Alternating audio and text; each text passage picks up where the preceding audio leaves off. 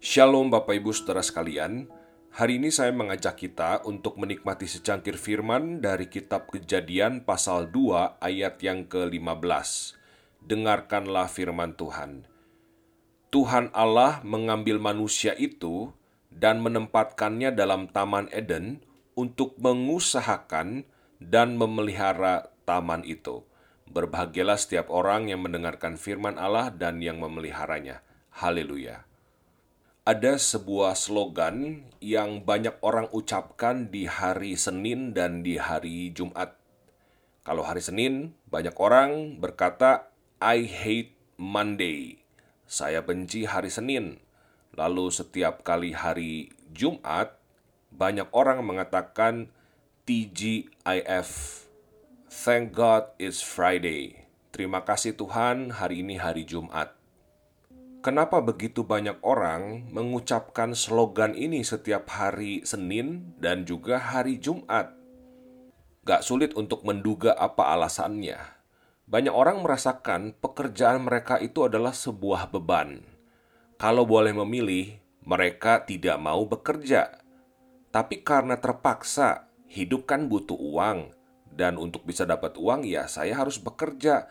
Maka saya bekerja, terpaksa sekali Itulah sebabnya pekerjaan itu jadi beban yang amat sangat berat untuk banyak orang. Dan begitu banyak orang ingin mengejar yang sering kali disebut sebagai financial freedom, di mana orang nggak mesti pusing lagi bekerja, tetapi uang terus mengalir setiap hari ada uang untuk kebutuhan, untuk keinginan, semua tercukupi dengan baik. Dan ada juga orang-orang yang mengejar sebisa mungkin supaya bisa pensiun dini dengan dana yang memadai, Tujuannya apa? Ya supaya tidak bekerja lagi. Sangat banyak orang Kristen yang berpikir seperti ini. Dan ditambah lagi, begitu banyak orang Kristen yang berpikir bahwa pekerjaan ini adalah kutuk dari Tuhan. Tidak sedikit orang Kristen yang berpikir pekerjaan itu adalah akibat dari kejatuhan manusia dalam dosa.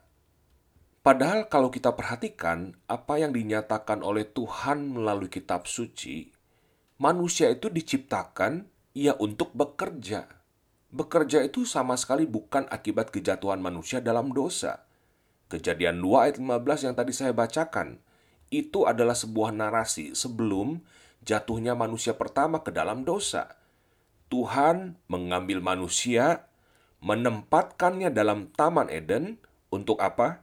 Untuk mengusahakan dan memelihara taman itu.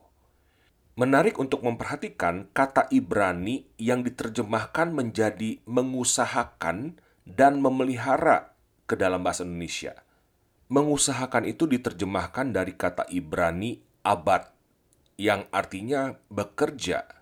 Menariknya, kata abad ini juga bisa berarti pelayanan kepada Tuhan, seperti yang kita temukan di banyak bagian Perjanjian Lama lainnya. Lalu kata memelihara itu berasal dari kata Ibrani syamar yang artinya menjaga. Nah, menariknya juga lagi, kata syamar ini sering kali digunakan untuk berarti menjaga hukum Allah atau memelihara hukum Allah. Jadi bisa kita artikan begini, saudara-saudara. Manusia pada mulanya diciptakan oleh Allah, ditempatkan di Taman Eden, mereka ditugaskan mereka diciptakan itu punya tugas. Tugasnya apa? Untuk bekerja. Kerjanya ngapain? Pelihara, mengusahakan Taman Eden. Dan itu merupakan sebuah pelayanan kepada Tuhan.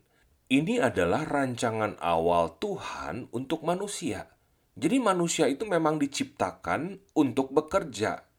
Homo laborans, manusia pekerja. Bekerja itu bukan akibat kejatuhan manusia, sama sekali bukan. Kalau kita baca kejadian pasal 3 ayat 17 sampai 19, yang dikutuk akibat kejatuhan manusia itu adalah tanah. Tanah tempat manusia bekerja. Tanah itu sentral untuk manusia, saudara-saudara, termasuk saat ini. Semua pekerjaan kita sebetulnya kita sadari ataupun tidak bergantung pada tanah. Ketika tanah dikutuk, pekerjaan kita jadi susah luar biasa. Inilah yang membuat pekerjaan kita menjadi berat rasanya. Tetapi bekerja itu sendiri bukan kutukan dari Tuhan.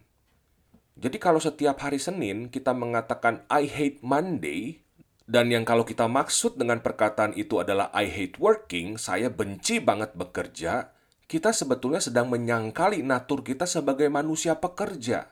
Homo laborans yang diciptakan segambar dan serupa dengan Allah yang adalah pekerja. Jadi kalau saat ini saudara mungkin sedang mengalami pekerjaan saudara itu rasanya beban yang sangat berat sekali yang ingin saudara hentikan, mungkin saudara bisa mempertimbangkan dua hal ini. Yang pertama, berupayalah untuk mencintai pekerjaan saudara, apa pun itu. Hayati bahwa pekerjaan itu bukan sebuah kutuk. Itu adalah tanggung jawab, mandat dari Tuhan ketika Dia menciptakan kita semua. Bidang pekerjaan kita berbeda, tetapi kita semua dimandatkan untuk bekerja. Temukanlah makna di dalam pekerjaan saudara. Dalam hal apa ya? Pekerjaan saya ini turut mengupayakan kesejahteraan manusia. Dalam hal apa pekerjaan saya ini turut menghadirkan kerajaan Allah di bumi ini? Nilai-nilai kebenaran, keadilan, keindahan.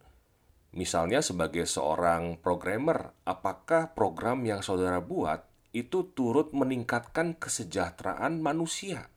Sebagai penjual makanan misalnya, bagaimana saudara bukan hanya memikirkan cuan saja, tetapi memikirkan bagaimana menggunakan bahan-bahan yang sehat, bukan hanya rasanya enak. Lalu kalau saudara punya tempat makan, restoran, bagaimana dari desainnya itu bisa turut memanusiakan manusia misalnya. Nah, ketika kita melihat pekerjaan seperti itu, maka pekerjaan kita setiap hari itu jadi sangat exciting. Sesuatu yang menggairahkan kita. Kita akan mengatakan, I love Monday. Saya nggak sabar nunggu hari Senin, saya bisa bekerja lagi, saya bisa berkarya lagi. Nah, itu kemungkinan pertama yang saudara bisa pertimbangkan kalau saudara lagi merasa pekerjaan saudara saat ini tuh bebannya berat sekali.